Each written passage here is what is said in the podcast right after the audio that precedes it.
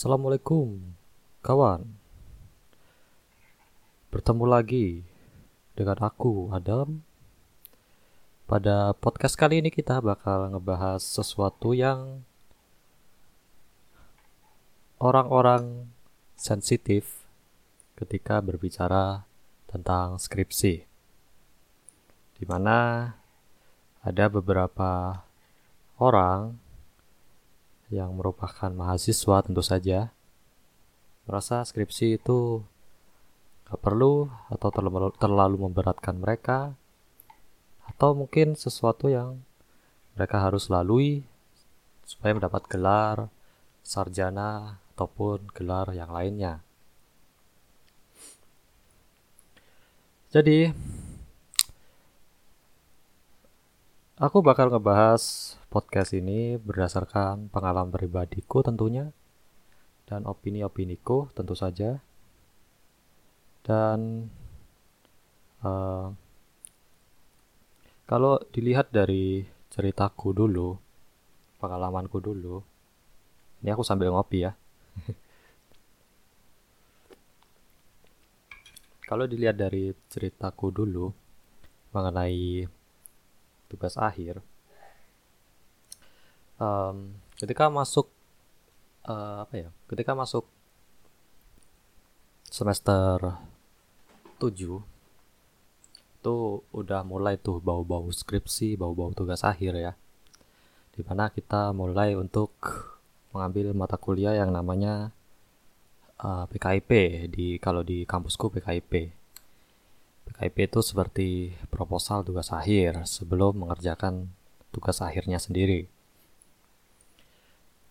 Di mana ketika PKIP itu singkat cerita aja kalau PKIP ya uh, aku mencari-cari topik topik yang menurutku pas itu aku di jurusan teknik dan dan aku harus cari topik yang um, teknik gitu dan karena pas itu aku merupakan salah satu anggota lab di kampusku yakni lab kecerdasan buatan bisa dibilang seperti itu uh, pemrosesan citra atau pemrosesan gambar ya.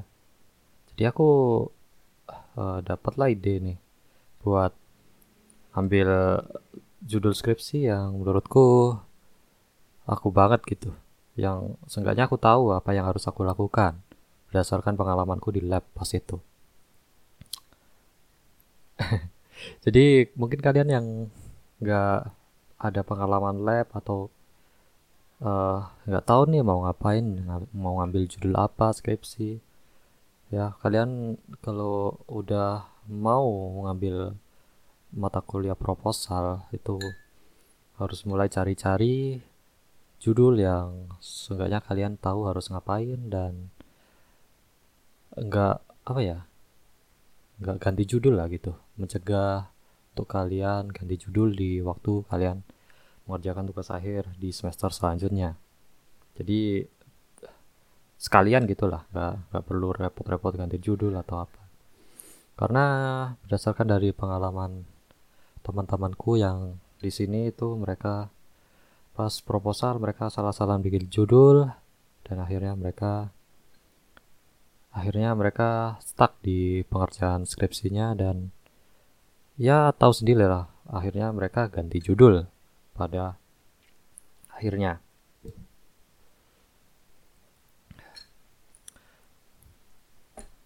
Jadi uh, ketika aku ngerjain proposalku tuh, ya aku cari apa ya? Cari topik yang menurutku beda, tapi bisa aku kerjakan. Yang mana pas itu singkat ceritanya aku ngambil topik mengenai cuaca yang disangkut pautkan dengan kecerdasan buatan. Jadi aku ngambil topik yang berbau cuaca. Nah, singkat cerita, proposal ya begitu, pengerjaan bab 1, bab 2 sampai bab 3 itu aku kerjakan dengan uh, ya dengan aman lah, lancar pokoknya. Intinya sih aku pikirnya panjang ya, nggak pendek. Karena aku juga pengen pas proposal itu aku pengen ngerja ngerjain proposal tuh langsung ke skripsi dan deskripsinya itu nggak stuck gitu jadi aku mikirnya tuh di waktu proposal apakah aku yakin nih bisa ngerjain skripsi ini dan nggak stuck di waktu skripsinya nanti ya seperti itu aku mikirnya seperti itu dulu dan aku bikin judul tuh juga nggak asal-asalan sehingga ya bisa dibilang efisien waktu lah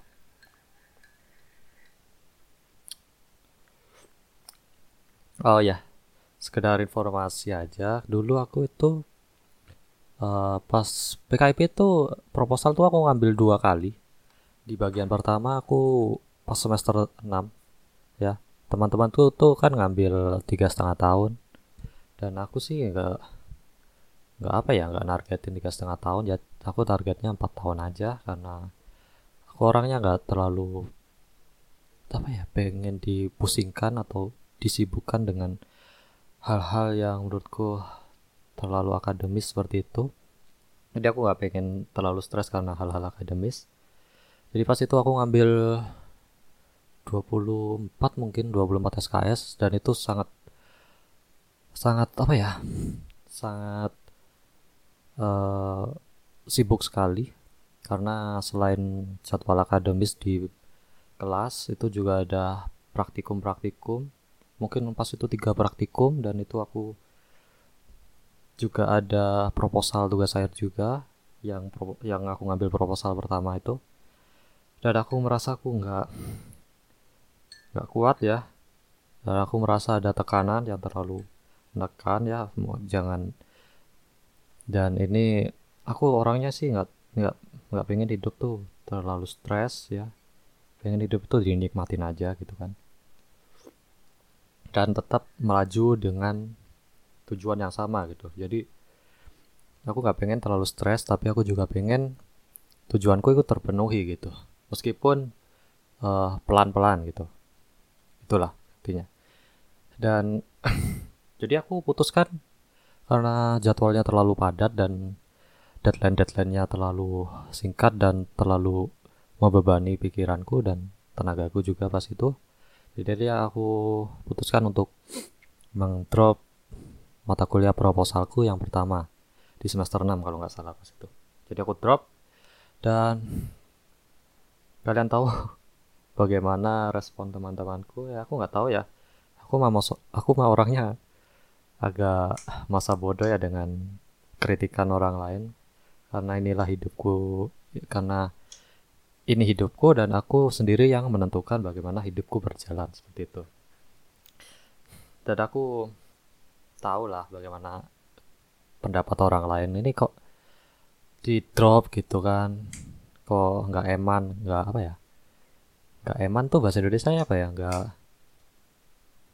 nggak eman ya nggak apa ya mbak?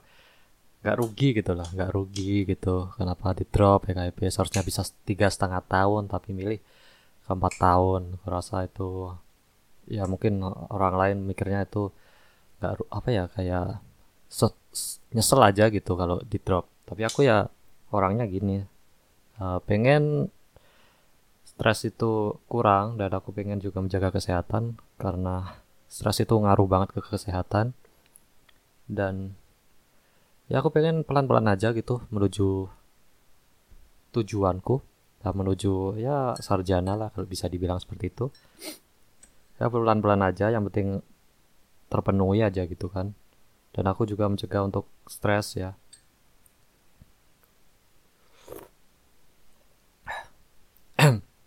jadi pas itu aku drop dan ya semester 6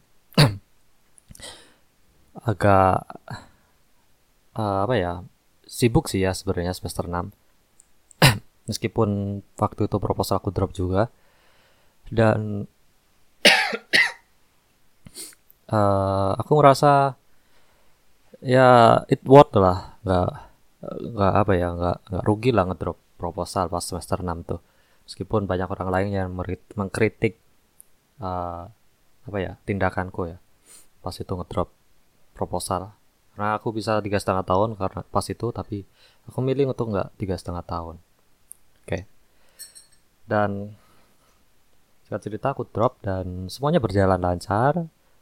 uh, sibuk ya lebih sibuk daripada semester 5 atau semester 4 mungkin ya karena praktikumnya ada tiga pas itu. Dan juga mata kuliahnya banyak kelasnya banyak. Kayak seperti itulah. Terus akhirnya aku berlanjut ke semester 7 dan di mana aku ngambil proposal yang nggak yang pas itu nggak ada praktikum menurut ya nggak ada praktikum di semester 7 dan itu aku rasa cukup enak lah kerjaan praktikum di mana aku bisa mikir yang seperti aku bilang tadi yang di mana proposal aku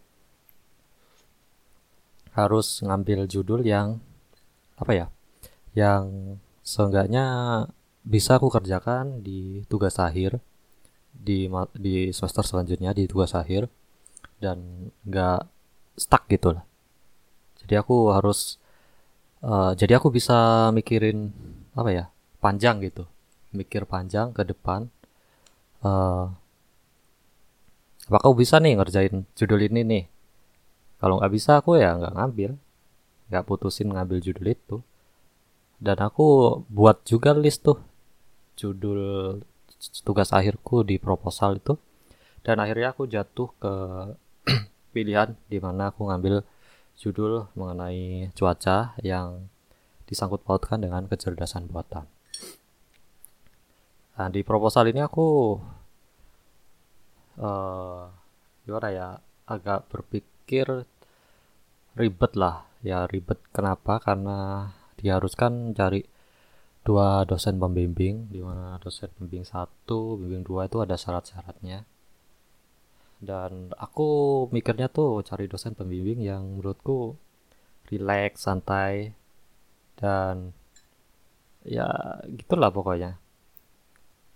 Dan akhirnya aku jatuh ke dosen pembimbing kalkulusku dulu, yakni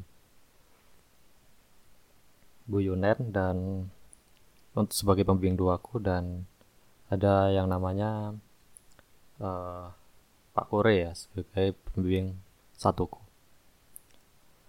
Dan itu sekali chat alhamdulillah aku langsung di di accept gitulah di accept gitu dan itu aku ngerasa bersyukur banget karena banyak beberapa teman-temanku yang apa ya ceritanya itu mereka tuh kesusahan dapat membimbing.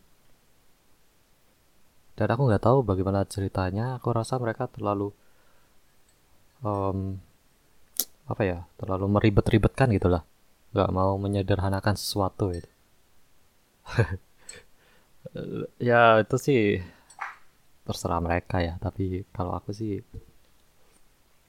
aku pengen sesuatu hal yang aku lakuin itu bisa sesederhana mungkin. Dan dan singkat cerita setelah proposal aku ngambil judul itu uh, dan aku akhir semester aku balik pas itu Desember dan ya teman-temanku yang ambil tiga setengah tahun udah mau sidang tuh di bulan Januari. Dan it's feel gimana ya temen sekelas yang seperjuangan dulu itu lulus duluan dan ada beberapa anak juga yang uh, apa ya beruntung gitulah beruntung bisa lulus duluan tiga setengah tahun. Dan ya aku bersyukur lah mereka bisa lulus tapi ada hal yang mengganjal di perasaanku di mana uh, apa ya kayak mereka tuh lulus duluan tuh mau apa ya kayak ya itu sih keputusan mereka ya hidup-hidup mereka juga tapi aku ada perasaan yang nggak solid gitu tapi ya gimana emang itu udah kemauan dia sendiri tapi ya itu aku anggap tuh keputusan mereka sendiri dan aku bersyukurlah mereka bisa lulus dan segera dapat kerja gitu.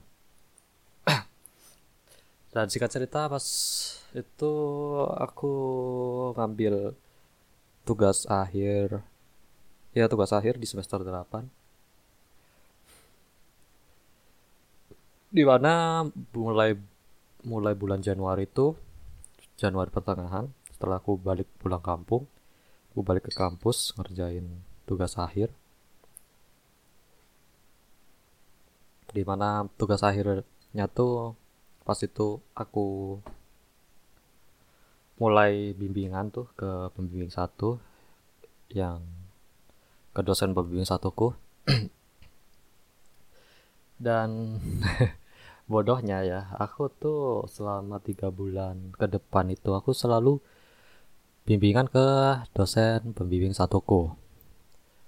Dan aku nggak ngelihat tuh syarat-syarat sidang bagaimana itu kesalahan fatalku pas itu. Karena pas itu dosen pembimbing satuku tuh nargetin aku aku tuh uh, sidang di bulan April kalau nggak salah. Jadi diberi waktu Januari Februari Maret April tiga bulan. Tapi pada akhirnya aku bisa sidang di bulan Agustus.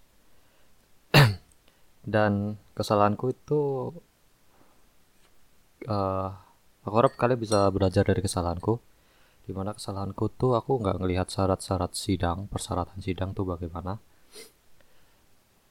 Jadi singkat cerita setelah tiga bulan ke depan aku bimbingan terus ke bimbing satu dan aku nggak pernah bimbingan ke pembimbing dua sama sekali.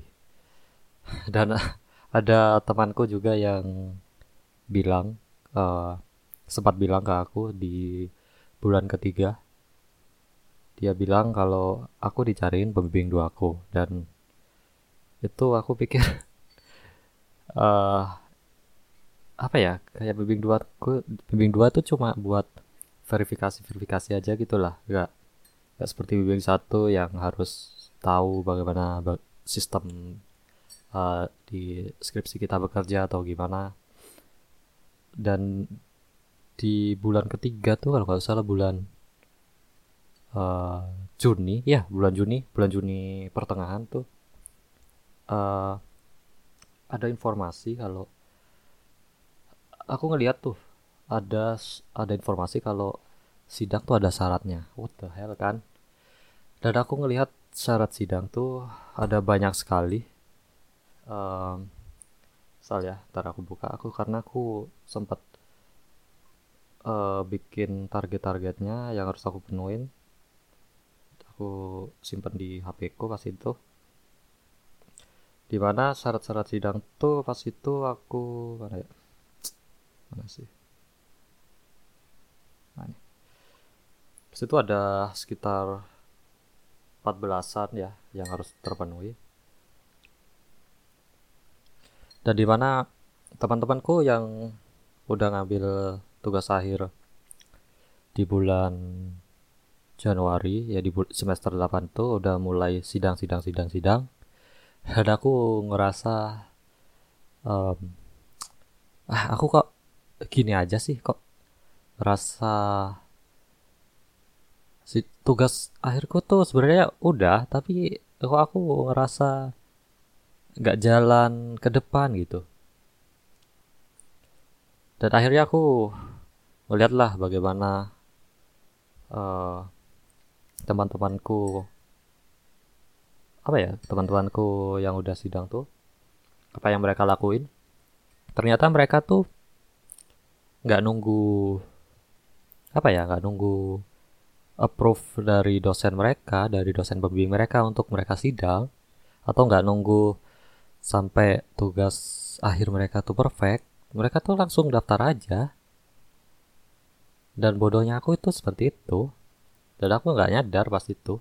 Dan aku nunggu tugas akhirku itu untuk perfect dan nunggu supaya dosen pembimbingku tuh bilang kalau aku tuh siap sidang gitu. Dan aku tuh nggak tahu kalau sebenarnya tuh ngerjain tugas akhir itu seperti itu harus inisiatif sendiri daftar sidang dan sebagainya. Dan di saat itulah aku mulai sadar dan bagaimana caranya aku harus bisa sidang secepatnya. Di pertengahan bulan Juni tuh yang mau lebaran di awal Juli. Karena pas itu udah mulai ah, karena aku juga nggak tahu ya pendaftaran sidang udah dimulai mulai bulan Mei. Mei April ya mulai bulan Mei. Dan aku nggak tahu pengumuman itu ternyata ada di IG di Instagram dari akun prodi uh, jurusanku. Dan aku nggak tahunya di situ. Aku tahunya tuh pada akhir bulan Juni di mana uh, aku tuh tahu dari temanku yang sebenarnya udah tahu dari dulu daripada aku. Mungkin karena aku juga jarang membaur ke teman-teman juga selama aku ngerjain skripsiku jadi aku terlalu fokus ngerjain skripsi dan aku tidak membaur dengan teman-temanku untuk mencari informasi mengenai skripsiku. Jadi aku harap kalian juga belajar dari ini. Kalian harus membaur, tanya-tanya ke teman uh, mengenai informasi skripsi, syarat sidang dan lain-lain. Karena itu vital banget kalau kalian miss informasi seperti itu. Jadi bulan Juni tuh aku baru tahu tuh informasi pendaftaran sidang. Dan terakhir tuh ada di bulan Agustus. Dan kesalahanku juga tuh pas itu aku salah. Aku terlalu fokus ke pembimbing satuku. Jadi aku selama bulan Januari sampai bulan Juni pertengahan tuh aku selalu bimbingan ke pembimbing satuku. Di mana syarat sidangnya tuh ada satu yang bilang kalau um, ada satu syarat yang bilang kalau pembimbingan di pembimbing satu dan pembimbing dua itu ada harus ada minimal 8 kali. Dan di tanggal yang berbeda. Waduh aku pikir gitu kan. Jadi aku nggak bisa nih daftar sidang di bulan Juli atau Juni apalagi Juni karena itu udah masuk pertengahan Juni. Dan di bulan Juli sendiri itu sampai pertengahan Juli itu libur lebaran di tahun 2019 itu ya. Jadi aku nggak bisa lah. Jadi aku mulai tuh ngejar di bulan pertengahan bulan Juni ngejar dua bimbingan di pembimbing dua. Karena aku pengen segera sidang mungkin kalau nggak di bulan di akhir. Awalnya tuh aku pengen sidang di akhir bulan Juli kalau nggak di uh, Agustus di bulan Agustus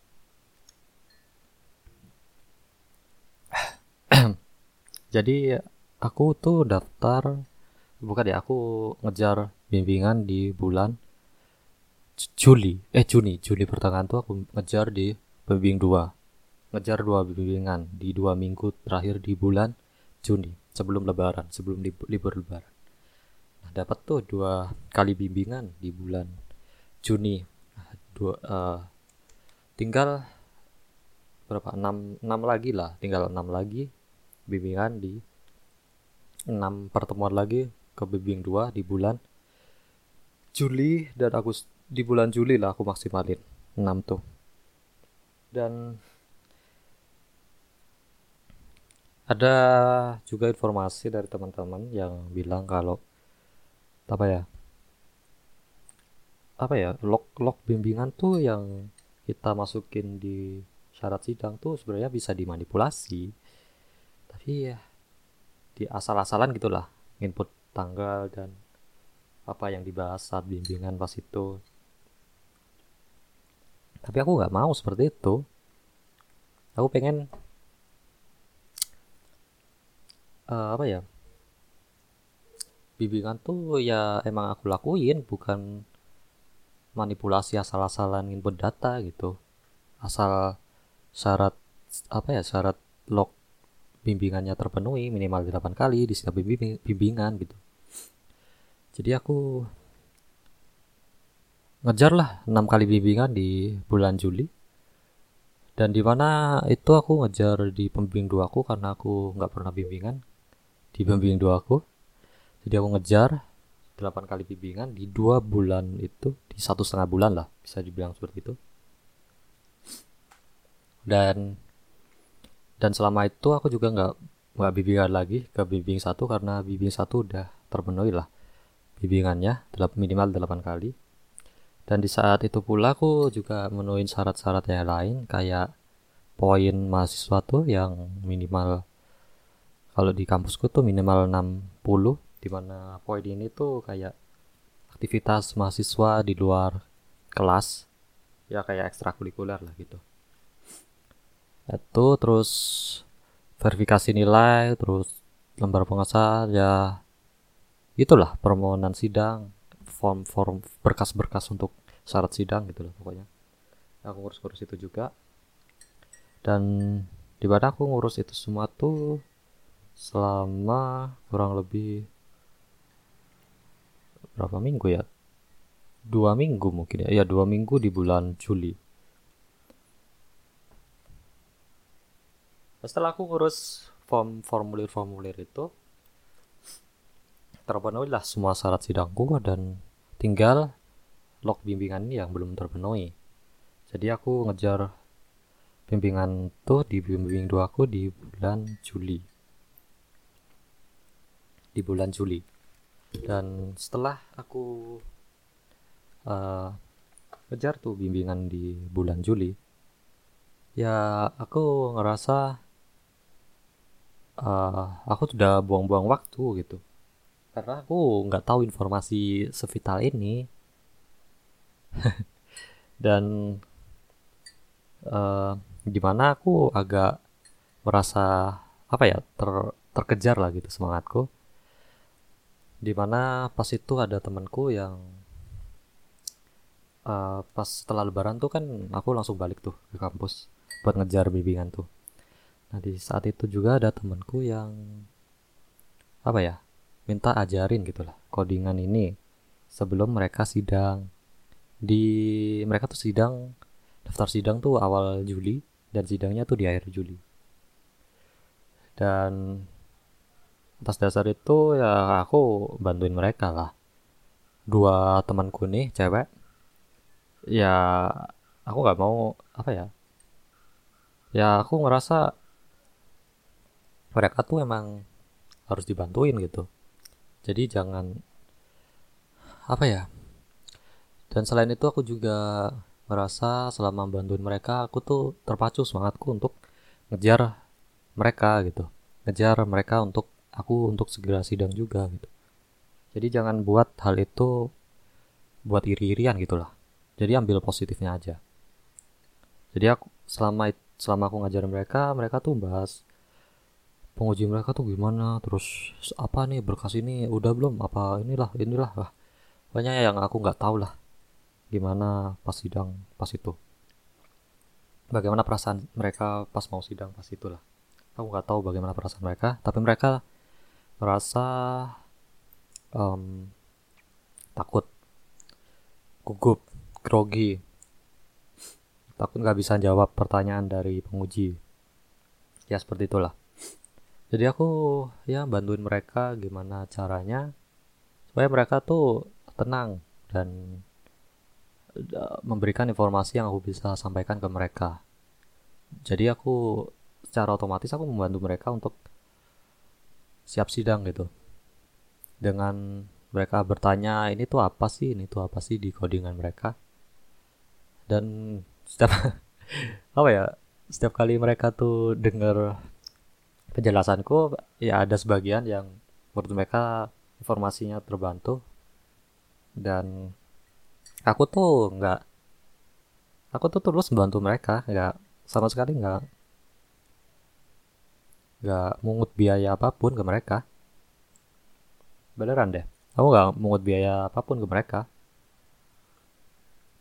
Karena aku pikir uh, sisi baik itu melebihi uang. Ya sisi baik itu sisi kebaikan atau sisi apa ya kasihan ngelihat orang yang mau sidang dan pusing. Ya gitulah pokoknya. Sisi kemanusiaan itu ngelebihi uang. Jadi aku nggak manfaatin sisi ketak sisi ketakutan mereka tuh aku manfaatin menjadi uang untuk diriku sendiri. Itu aku rasa nggak apa ya nggak nggak worth lah. Bukan aku banget gitu loh. Karena ada tuh karena aku ngerasa ya selama aku kuliah di sini semuanya orientasinya uang. Nggak ada hal lain nggak ada atas dasar kemanusiaan nggak ada atas dasar kasihan. Semuanya berbau uang. Kalau aku dengar cerita-cerita di sini tuh kalau misal kalian jokiin TA, jokiin skripsi kalian ke seseorang itu kalian bayar harus bayar mahal. Sedangkan aku bantu mereka tuh secara cuma-cuma karena aku tahu mereka tuh kesusahan dan aku pengen mereka tuh segera bebas dari kesusahan mereka dengan cara membantu mereka secara cuma-cuma dan aku ngerasa itu kepuasan yang bisa aku dapatkan tahu kalau mereka tuh terbantu itu kepuasan yang bisa aku dapatkan melebihi kepuasan aku dapat uang dari uh, mengeksploitasi ketakutan mereka terhadap sidang yang akan mereka lakukan. aku nggak tahu ya, aku orangnya nggak money oriented banget, tapi aku ngeras aku lebih suka ngebantu orang secara cuma-cuma. Uh, di mana aku bisa ngebantu mereka yang aku sanggup ya tentu saja. Kalau aku nggak sanggup ya aku nggak akan bantu mereka karena ya tahu lah aku tahu batasanku sendiri. Tapi ada juga ya, teman-temanku yang awalnya minta bantu terus oke okay, aku bantuin. Terus um, mereka tuh nggak ada kabar lagi. Nggak ada kabar lagi aku juga nggak tahu bagaimana tuh apa mereka menganggapku aku terlalu cringe atau bagaimana ya? Karena aku orangnya apa ya dingin. Bisa dibilang dingin. Ah ya orang yang nggak kenal aku mungkin menganggap aku orangnya dingin. Karena aku nggak nggak apa ya nggak nggak suka banyak bicara gitu. Nggak pinter basa basi dengan orang lain, tapi aku bisa berbicara panjang lebar mengenai hal-hal yang sangat dalam. Sangat dalam itu gimana ya? Kayak um, mengenai kehidupan uh, apa yang udah dirasain di kehidupan ini, nah kayak gitu. Oke, jadi balik ke topik ya. Jadi aku bantuin mereka tuh ya ada kepuasan sendiri meskipun aku nggak dibayar atau nggak di apa it's okay. Aku puas bantu mereka. Dan aku sekarang senang mereka udah bebas dari skripsi yang memberatkan hidup mereka ini. Sebagai mahasiswa tingkat akhir. Dan itu ya sangat-sangat sangat-sangat worth lah untuk membantu mereka dan temanku nih meras dua temanku nih cewek. Dan aku nggak modus ya aku beneran tulus membantu mereka.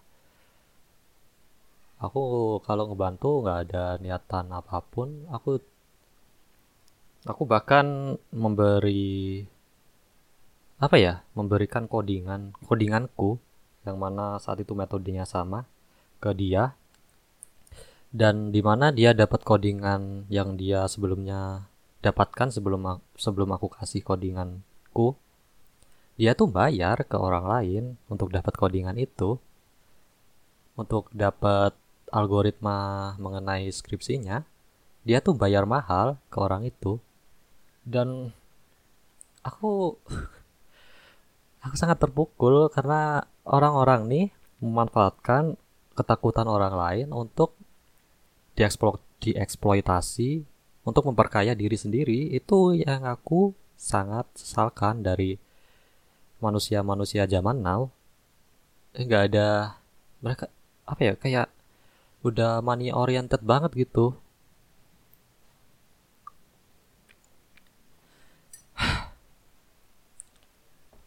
Ya aku tahu sekarang zamannya udah berubah mana uang adalah segalanya tapi nggak gitu banget gitu lah.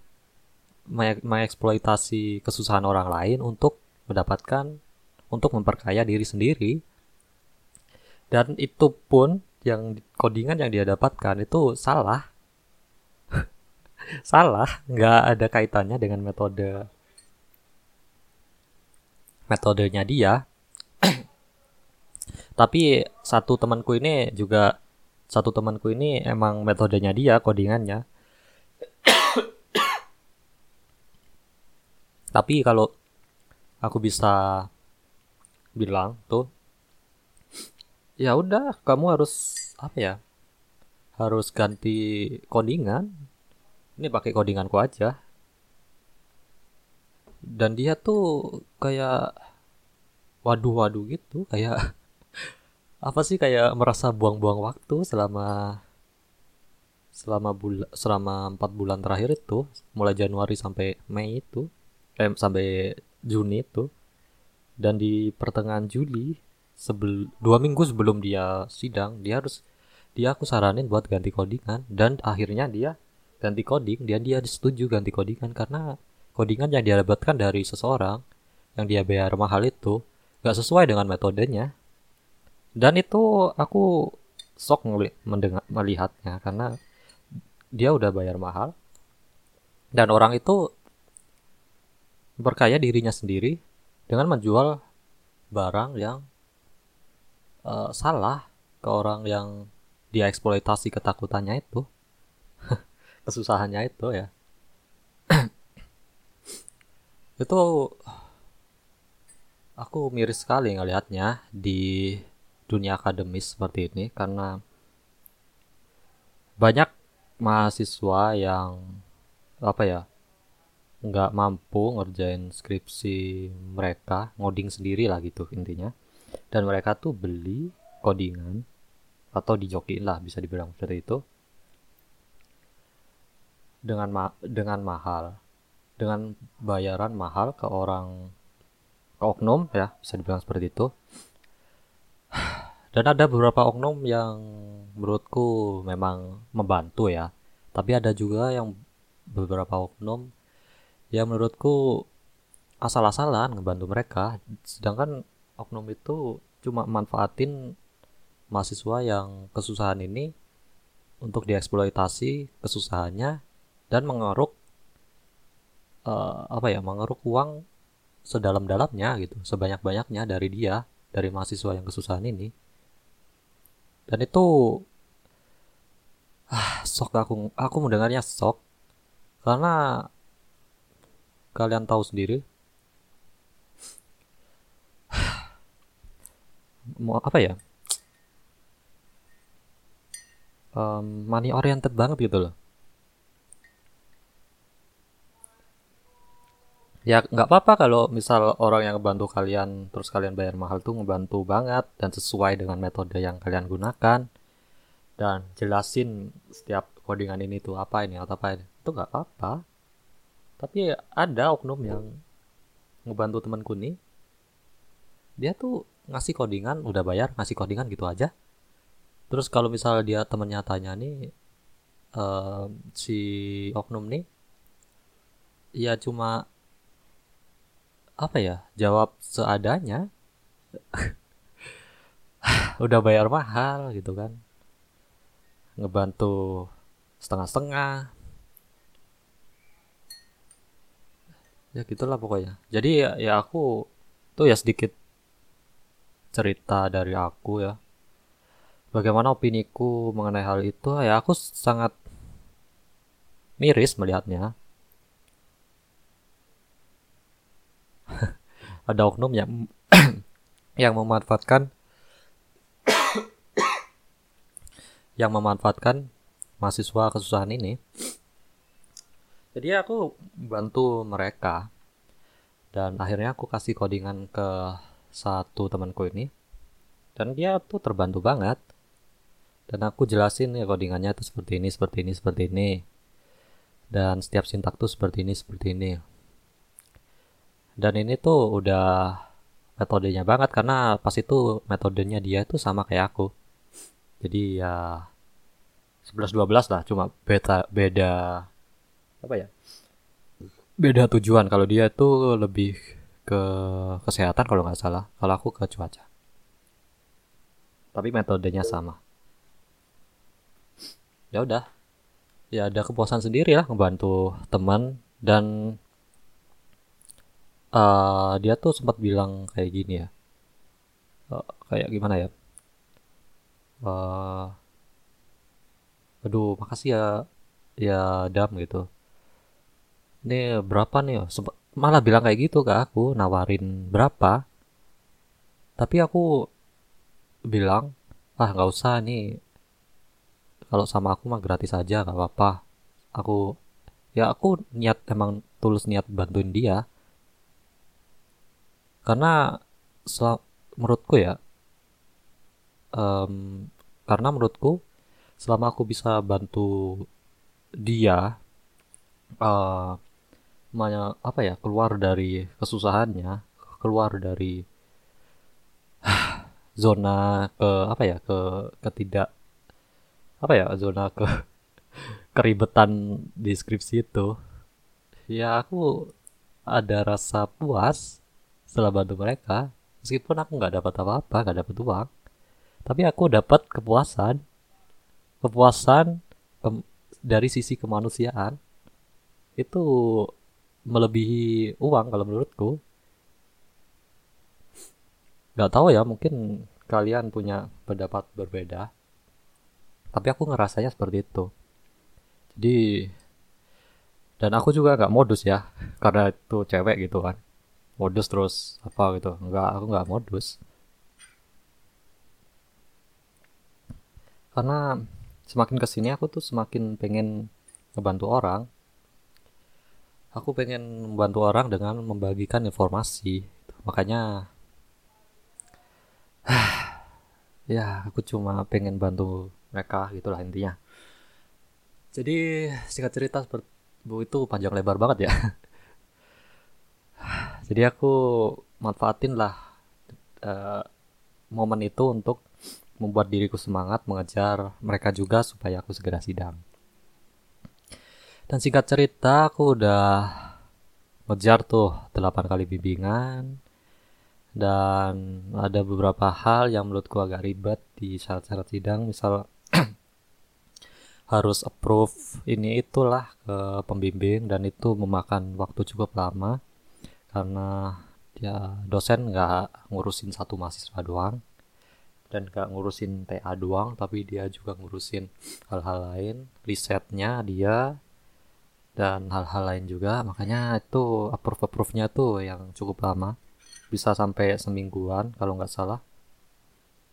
Paling lama semingguan. Paling cepat tiga hari approve approve nya tuh.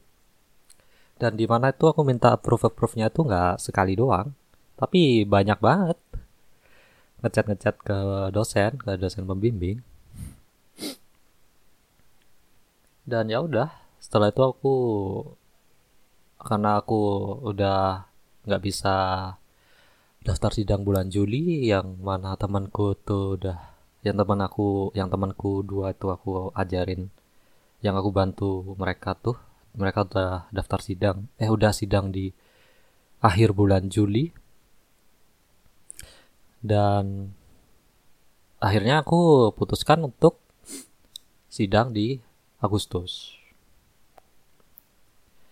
Dan ke dan ini apa ya 14 14 syarat sidang tuh aku bikin list di papan tulis yang mana semua syarat sidang tuh aku apa ya beri target lah misal hari ini tuh harus selesai ini misal hari ini tuh harus selesai ini syarat-syarat sidang gitulah pokoknya dengan waktu segini sebelum pendaftaran sidang dibuka itu. Jadi selama itu aku ngumpulin tuh berkas-berkas syarat sidang dan aku bikin target di papan tulisku yang ada di kosan. Terus di mana target yang aku udah penuhi aku checklist. Dan uh, itu ya udah. Setelah itu setelah beberapa syarat sidang itu terpenuhi ya udah aku langsung daftar sidang bareng teman-temanku yang lain. Karena teman-temanku yang lain nih juga banyak juga yang daftar sidang di bulan di bulan apa? Di bulan Agustus. Dan selama aku apa ya selama aku daftar sidang uh, ngumpulin berkas-berkasnya tuh emang perjuangan banget. Perjuangan banget ngumpulin berkas-berkas sidang tuh. Dan alhamdulillah semua berkas sidang terpenuhi. Dan ya udah daftar. Daftar terus nunggu nunggu pengumuman penguji dibuka karena pas itu pas aku daftar sidang tuh itu kesempatan terakhir ya. Eh, bulan bulan terakhir di semester 8 sebelum masuk semester selanjutnya ya di mana harus bayar lagi kalau misal aku telat daftar sidang di bulan itu. Dan alhamdulillah aku nggak telat dan aku bisa daftar sidang di bulan Agustus itu. Dan akhirnya ya di semester 8 di bulan Agustus tuh di semester 8 aku daftar sidang dan nunggulah uh, berapa minggu tuh? Satu setengah mingguan lah. Dan pengujinya tuh pengumuman penguji keluar dan akhirnya aku konfirmasi ke penguji. Uh, penguji satu penguji dua ya pas itu. Uh, ya ini Bu Sofi kalau ya penguji duanya Bu Sofi penguji satunya Pak Jangkung pas itu. Ya agak ribet juga ya di mana kalian harus minta tanda tangan lagi konfirmasi lagi. Ya pokoknya berkas administrasinya tuh ribet gitu. Dan itu yang bikin ribet dari skripsinya itu sebenarnya itunya bukan skripsinya kalau menurutku ya. Harus konfirmasi ini itu sana sini bolak balik nungguin penguji tanda tangan. Nah itu itu yang ribet bukan skripsinya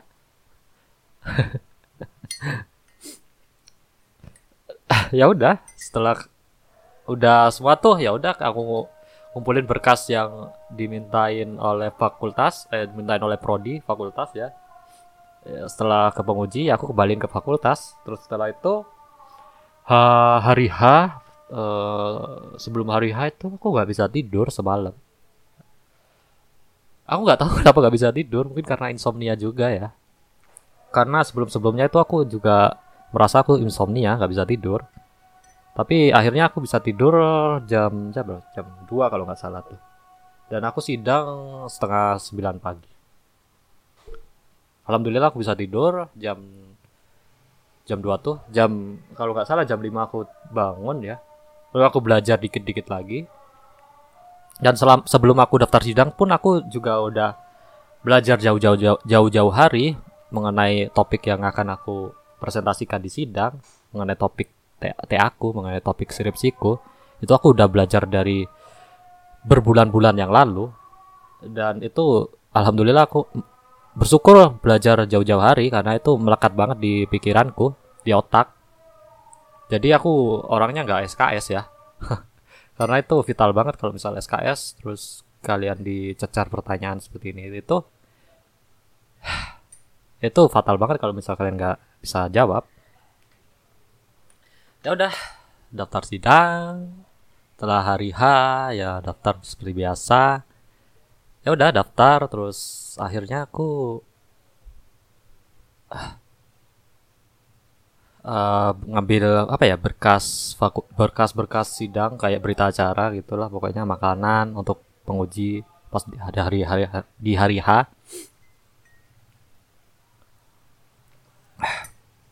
Ini sorry aku sambil ngopi. Terus pas di hari H ya udah aku siapin uh, apa ya syarat-syarat sidangnya dan ya udah sidang seperti biasa.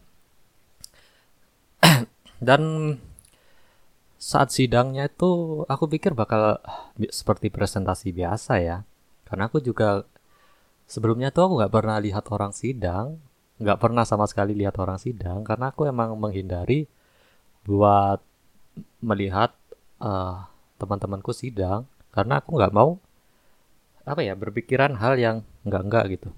Pikiran hal yang terlalu melebih-lebihkan sesuatu gitu lah pokoknya. Karena aku nggak mau gugup dulu sebelum aku ngerasain sendiri gitu. Jadi ya ya udah aku nggak pernah lihat sidang nggak pernah datang ke sidang teman.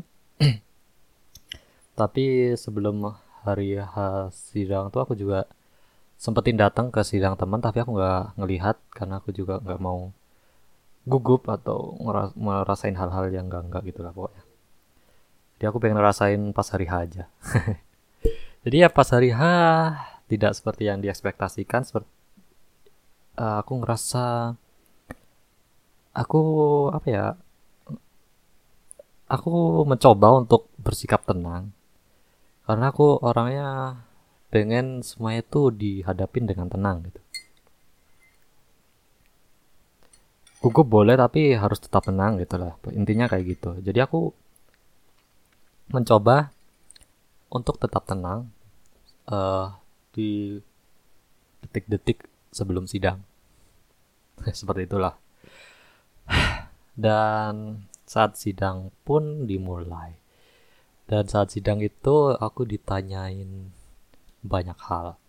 Yang mana alhamdulillah aku udah belajar seluk-beluknya dan akhirnya aku nggak nyesel belajar sedetail-detailnya mengenai topikku itu mengenai cuaca itu alhamdulillah aku bisa jawab semua tapi memang agak shock ya karena pertanyaannya tidak seperti yang diekspektasikan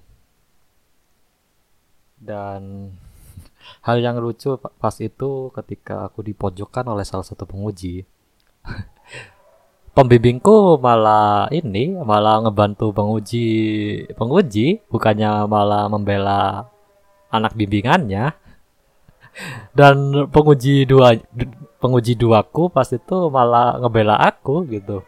Dan itu cerita lucunya kayak gitu. Dan alhamdulillah uh, singkat cerita aku dinyatakan lulus dengan nilai yang sangat memuaskan dengan nilai A alhamdulillah.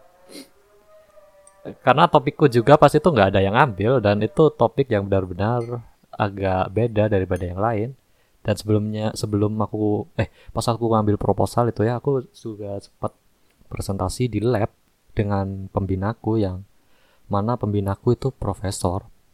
Profesor termuda, termuda di kampusku yang sangat ahli di bidang kecerdasan buatan yang mana aku presentasi mengenai cuaca memanfaatkan kecerdasan buatan itu dan dia bilang kalau topikku ini keren dan out of the box gitu. Dan ini beneran dia bilang seperti itu ke aku dan ya udah aku lanjut aja. Berarti ah, aku bisa nih.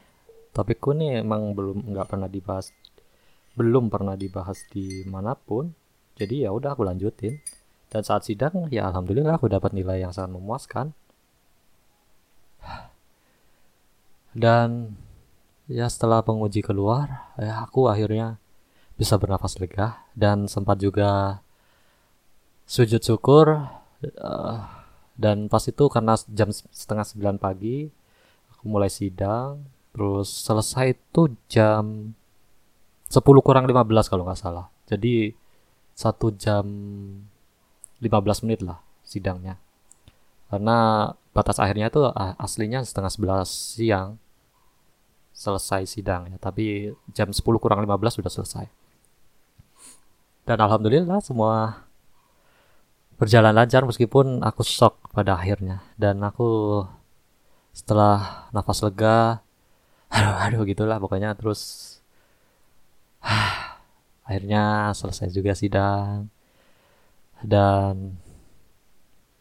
Shock sebenarnya ya dengan pertanyaan-pertanyaannya.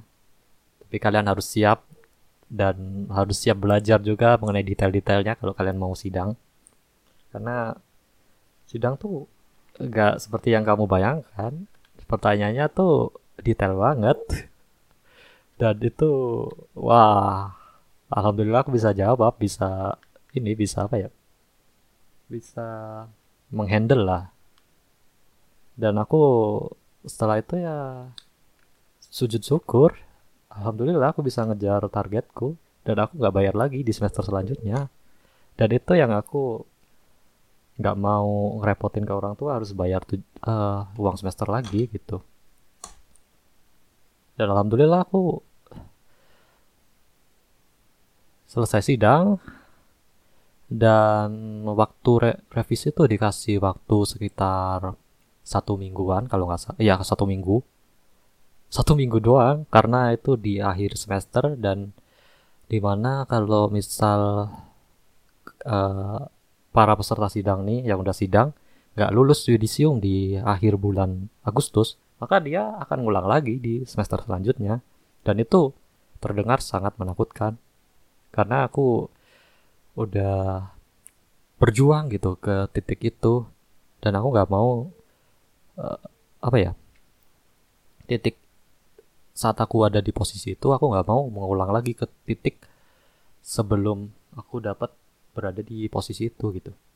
Dan akhirnya ya udah aku ngejar apa revisi. Dan di revisi itu ada beberapa berkas yang menurutku sangat sangat menyebalkan dan harus terpenuhi dalam satu minggu. Dan itu adalah uh, apa ya mana ya? Aku sempat nyimpen di HP sih.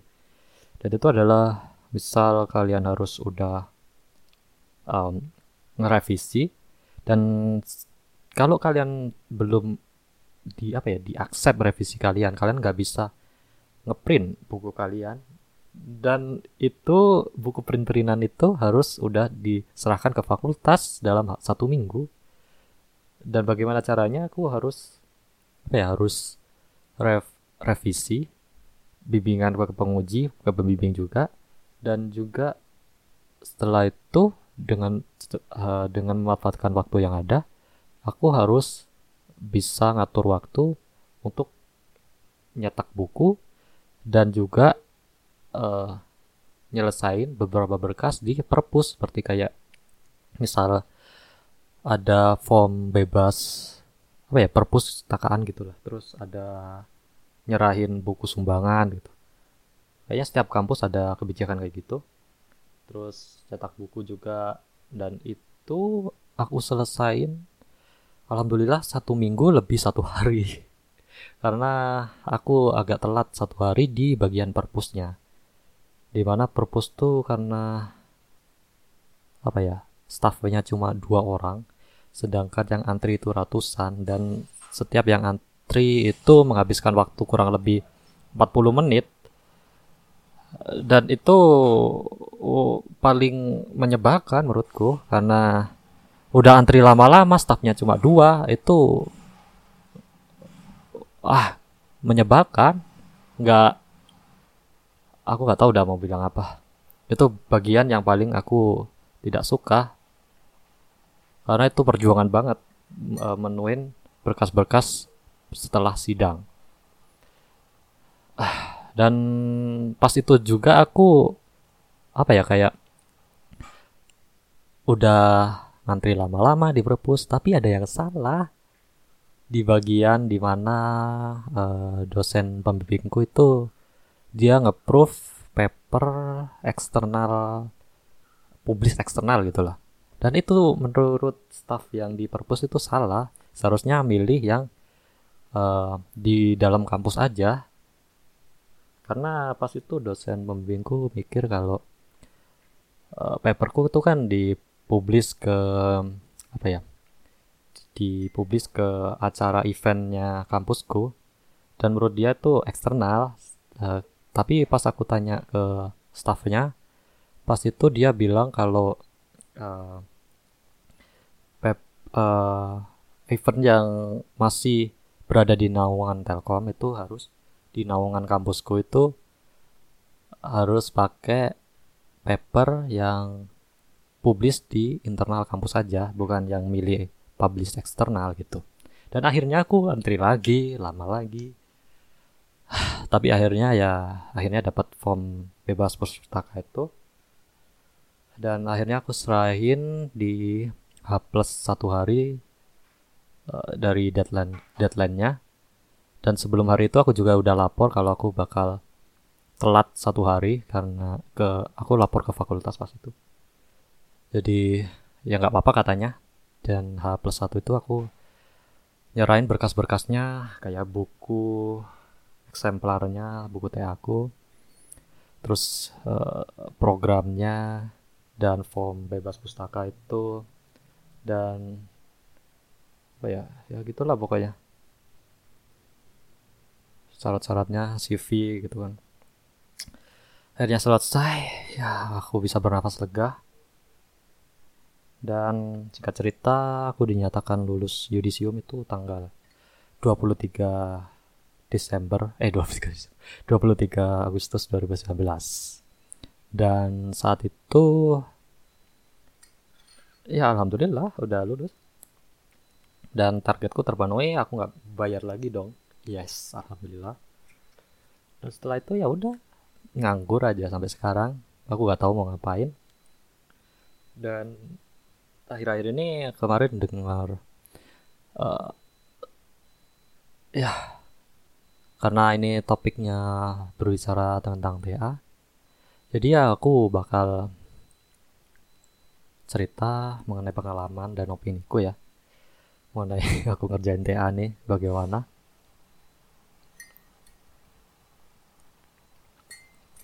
Sorry ada motor di luar. Jadi kalian agak dengar-dengar noise-noise dari luar. Jadi selama aku ngerjain TA itu aku agak di miss di bagian di mana aku nggak ngelihat jadwal sidang dan syarat-syarat sidangnya. Apa-apa aja yang harus aku penuhi. Di situ aku missnya. Uh, karena aku juga jarang ngumpul ke teman-teman juga cari informasi gitu dan aku ngerasa pas itu aku buang-buang waktu. Dan aku harap kalian belajar dari itu ya. Karena itu missnya aku banget. Dan tapi akhirnya aku bisa sidang di akhir bulan di kesempatan terakhir di semester itu. Alhamdulillah aku udah lulus yudisium sekarang aku tinggal nunggu wisuda. Dan mungkin ngelam uh, ikut pelatihan pelatihan gitulah. Kemarin sih sempat ada informasi pelatihan kominfo. Jadi aku ikutan pelatihan kominfo. Dan semoga aja lolos. Karena masih ada seleksi ya. Dan it, uh, kalau kalian merasa nggak bisa atau nggak sanggup ngerjain topik kalian itu aku rasa kalian perlu apa ya perlu komunikasi dengan teman-teman kalian yang kalian anggap bisa. Aku rasa kalian harus mulai dengan orang yang kalian kenal dulu karena ada beberapa oknum di, yang aku apa ya yang aku alami, yang aku dengar dari teman-temanku di sini. Cerita itu orang yang minta bantuan ke orang yang tidak dikenal itu mungkin akan dimanfaatkan seperti temanku itu dia udah bayar mahal dikasih codingan yang salah udah bantunya setengah-setengah. Dan itu miris banget aku ngelihatnya karena ada orang seperti itu mengeksploitasi kesusahan orang lain untuk memperkaya diri sendiri. Dan itu perbuatan setan banget iblis banget nggak manusiawi menurutku. Dan aku rasa kalian perlu untuk mulai berkomunikasi ke orang lain sebelum kalian memilih judul. Misal kalian punya teman yang jago di topik ini atau jago di uh, pembahasan ini ya kalian harus ngomong dulu ke dia uh, teman yang benar-benar kenal kamu jangan ke orang asing dulu. Karena cuma temen yang kenal kita dengan baik yang hanya bisa berikan kita solusi. Teman yang benar-benar tulus membantu kamu itu uh, cari yang tulus lah bantu kamu dan mungkin kalian merasa kalau kalian gak bisa atau kalian merasa kalau kalian apa ya kayak ah ngapain sih?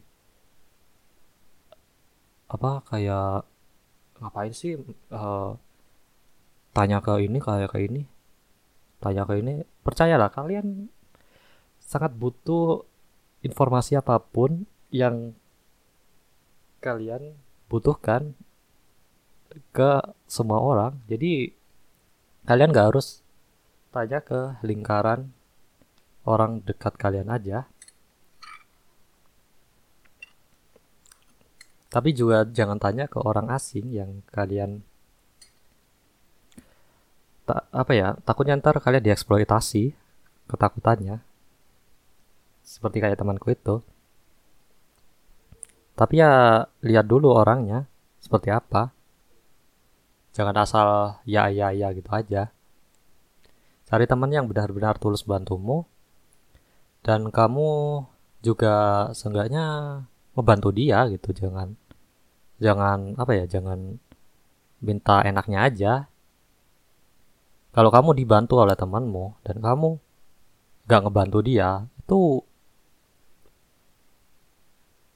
what's the point? Kamu ngiadatin dia secara tidak langsung. Tapi gak apa ya?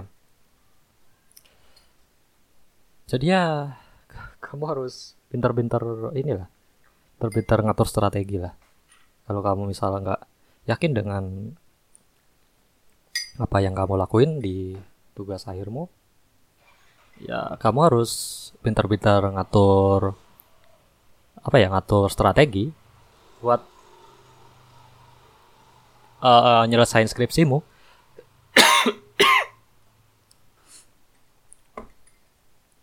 Dan ada hal lain yang aku bisa bagikan di mana kamu harus uh, apa ya kayak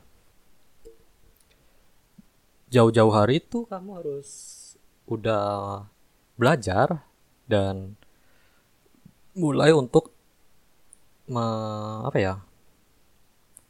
Mengetahui meng, apa ya? Seenggaknya kamu tahu tuh apa yang harus kamu lakuin. Dan apakah kamu tahu tuh bahwa kamu bakal stuck di proses ini atau enggak itulah. Jadi kamu nggak akan buang-buang waktu saat tugas akhir.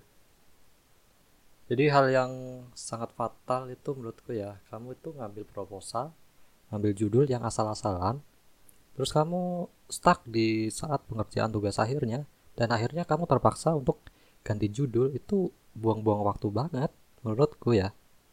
Dan itu gak worth menurutku gak worth it lah.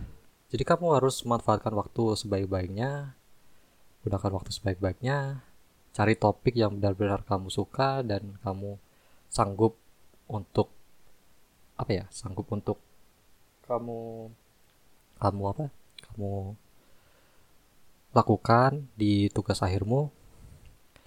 Dan uh, kamu juga harus konsultasiin juga ke teman-temanmu yang paham, yang pinter gitu ya.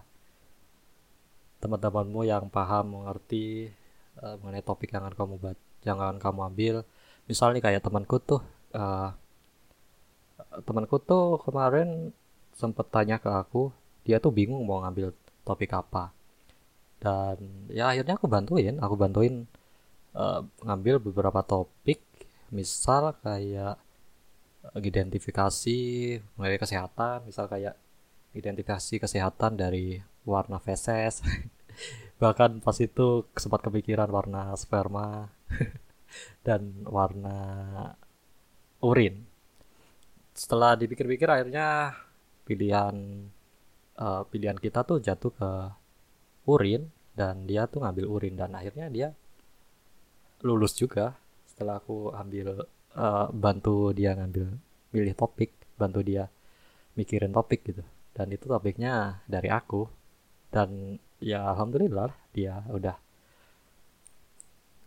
apa ya udah terbantu lah. Aku juga bersyukur dia udah aku bantuin dan dia udah lulus juga sekarang. Dan tinggal nunggu wisuda seperti aku. Dan ada kepuasan sendiri gitu membantu teman-teman. Dan aku orangnya nggak money oriented banget ya. Dan aku juga nggak mengeksploitasi kesusahan orang lain hanya untuk memperkaya diri sendiri itu nggak manusiawi menurutku. Dan itu apa ya? Nggak nggak worth lah ya memang ada yang tulus membantu dan kamu uh, dan dia minta dibayar. Tapi dia itu uh, bantu kamu dengan benar-benar gitu. Cari yang benar jangan cari yang oknum-oknum yang nge ngebantu ngasih codingan yang salah lagi metodenya salah. Terus ngebantu setengah-setengah udah bayar mahal. Nah itu jangan cari seperti itu kalau bisa. Adalah ada oknum seperti itu. Kalau kalian misal nggak sanggup ngerjain tugas akhir dan butuh dijokiin gitu. Tapi cari orang yang benar-benar membantu kamu dengan full meskipun kamu bayar mahal. Tapi kalau bisa ya cari teman yang uh, ngebantu kamu dengan gratis.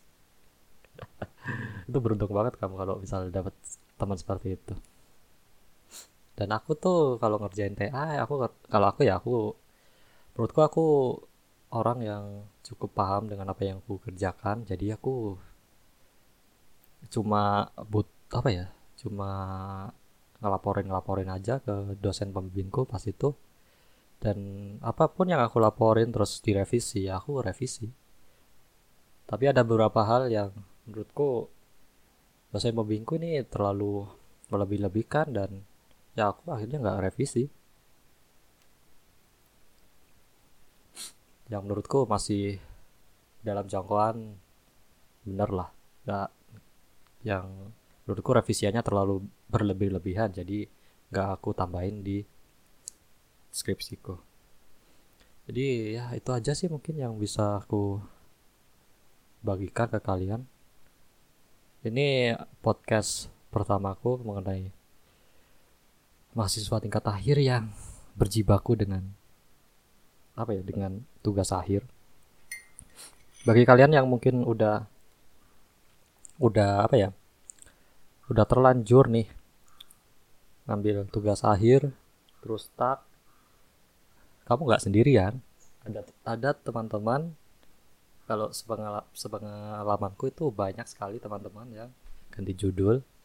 Dan kamu harus mulai apa ya mulai uh, berkomunikasi dengan mereka. Jangan hanya diam.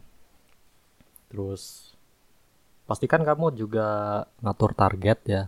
Misal tanggal segini tanggal segini itu harus udah tercapai nih target ini. SK harus sudah keluar nih. Proposal harus sudah selesai nih. Nah, seperti itu. Terus kamu juga harus sering berbaur ke teman-temanmu cari informasi-informasi yang tidak ada di uh, media sosial. Cari informasi-informasi yang tidak diumumin di oleh fakultas ataupun oleh prodi. Dan itu vital banget informasi seperti itu. Dan kamu juga jangan patah semangat karena melihat teman-temanmu udah pada lulus sedangkan kamu masih ngerjain TA itu bodoh banget kalau kamu mikir seperti itu kamu tahu kan bagaimana uh, apa ya kemampuan setiap orang itu berbeda-beda dan kamu tuh jangan banding-bandingin kemampuan kamu dengan kemampuan orang lain. Jadi kamu tuh harus uh, apa ya kayak ngelakuin apa yang bisa kamu lakuin dengan sekuat tenaga.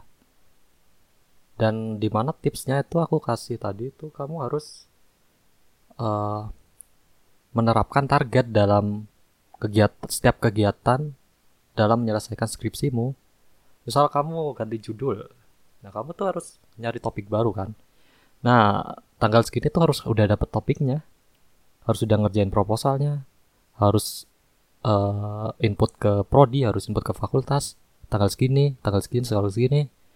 Nah itu harus ada targetnya. Kalau dari aku seperti itu. Dan itu lakukan sesuai dengan yang kamu mampu. Kamu nggak akan kalau kamu nggak menargetkan seperti itu, kamu akan mengarah ke dalam situasi yang apa ya yang tak tentu arah melayang-layang gitu aja muter-muter gitu aja. Jadi kamu harus nargetin sesuatu sebelum kamu melakukan sesuatu seperti itu.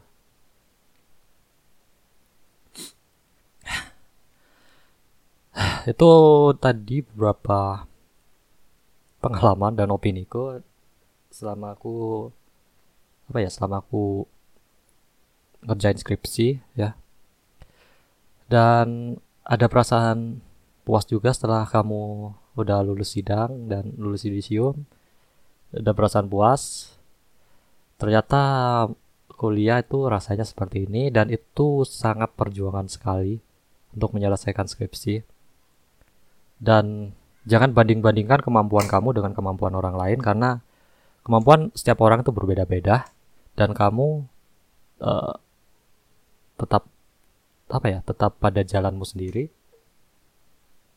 tapi tetap mengarah ke tujuan akhir yang sama gitu. Meskipun itu jalan yang kamu pilih itu jalur yang lambat itu nggak apa-apa. Asal tujuannya tetap ke tujuan yang sama yakni lulus yudisium. Itu nggak apa-apa karena takdir setiap orang tuh berbeda-beda. Jangan kamu banding-bandingkan kehidupan kamu dengan kehidupan orang lain. Jangan iri-irian tapi gunakan kesempatan itu untuk membuat kamu semangat menyelesaikannya. Menuju tujuan akhir lulus yudisium seperti itu. Jangan buat ah apa ya iri gitu. Terus kamu makin males belajar makin males ngerjain. Nah, itu fatal banget. Jangan gunakan hal-hal yang hal-hal yang berbau kesuksesan orang lain. Itu membuat diri kamu down. Tapi buat hal itu menjadi apa ya pemacu semangat gitu buat dirimu. Dan itu bekerja untukku mungkin setiap orang berbeda-beda ya tapi itu bekerja uh, buat aku pribadi. Dan itu it's feel good lah pokoknya kalau udah mencapai posisi yang sama setelah kita melihat orang lain berada di posisi itu. Itu kepuasan yang yang ah nggak bisa digambarkan. Dan ya itu adalah bagaimana pengalaman dan opiniku ya. Kalau kalian merasa ada salah-salah kata atau kalian gak setuju, ya it's okay, namanya juga kehidupan selalu ada pro dan kontra. Dan aku ini persembahkan podcast ini untuk kalian yang sedang berada di posisi di mana kalian belum menyelesaikan tugas akhir dan kalian butuh semangat atau butuh tips ya ini aku bagikan podcast ini untuk kalian. Dan podcast ini sama sekali apa ya enggak apa ya tulus dari aku ya untuk berbagi. Karena aku juga akhir-akhir ini suka dengerin podcast eh, yang lunatik tuh itu suka banget aku dengerinnya. Karena apa ya kayak ngalir gitu aja omongannya. Nggak nggak apa ya di nggak apa ya nggak acting gitu lah pokoknya. Ya sesuai pengalaman dia gitu. Dan aku terinspirasi dari itu aku ya pengen bagiin pengalamanku ke kalian mengenai topik uh, bagaimana perjalanan aku menyelesaikan sidang ini menyelesaikan tugas akhir. Dan setelah itu ya kalian tinggal santai-santai aja atau kalian punya kegiatan yang lain. Ya jadikan itu gue sebagai semangat juga ya. Misal kalian punya pengen ngecamp nih nah kayak aku tuh. Setelah sidang aku pengen ngecamp ah nah kalian itu jadikan jadikan apa ya jadikan semangat gitu. Untuk bisa menyelesaikan tugas akhirnya ini dengan segera seperti itu. Akhirnya aku bisa ngecap setelah sidang tuh dan it's feel good setelah berstres-stres ya dulu di skripsi. Sekarang udah bebas. Uh, intinya worth lah setelah perjuangan tuh. Dan sekarang mungkin kalian akan di di apa di dihadapkan dengan tembok lainnya seperti karir ya. Dan itu mungkin podcast yang lain lah ya podcast yang episode selanjutnya. Ya udahlah itu aja ya mungkin uh, podcast kali ini karena aku bikinnya nih setengah sebelas siang dan aku belum makan dari pagi nih. Maklum lah mahasiswa ya. Ah aku belum makan dari pagi ya ampun udah setengah satu. Ya udahlah mungkin kalau kalian suka podcast ini kalian bisa bagikan ya di media sosial kalian. Dan uh, ikuti podcast ini kalau bisa. Dan dukung podcast ini dengan cara mengikuti minimal ya. Dan juga ada aku nggak maksa sih ya ada ikon donasi di situ di GoPay. Kayak bisa donasi seikhlasnya. Dan aku nggak maksa banget ya. Nggak maksa sama sekali uh, terus uh, kalian bisa berikan opini kalian ya. Karena aku podcast ini cuma di mana sih? Di angkor an, an, angker doang ya. Angker doang. Tapi aku juga nggak bisa memastikan apakah aku bakal tetap di angkor atau bakal pindah juga. Aku ngerasa di angkor nih udah bagus lah. Oke lah mungkin itu ya bisa aku sampaikan kalau kalau ada sekali lagi ya kalau ada salah-salah kata atau ada oknum eh ada oknum ada ya ada oknum yang aku ceritakan di podcast kali ini tersinggung aku mohon maaf dan itu adalah berapa informasi yang bisa aku bagikan di podcast ini. Aku harap kalian tetap semangat dan tetap uh, berada di jalur yang tepat ya menuju lulus yudisium. Yes. Jadi Oke lah, begitu. Sekali lagi aku minta maaf dan terima kasih yang udah mendengarkan podcast ini sampai akhir. Mungkin aku bakal bikin podcast lainnya yang lebih seru, membahas mengenai hal-hal yang lebih seru lainnya. Dan terima kasih, sampai jumpa di podcast selanjutnya.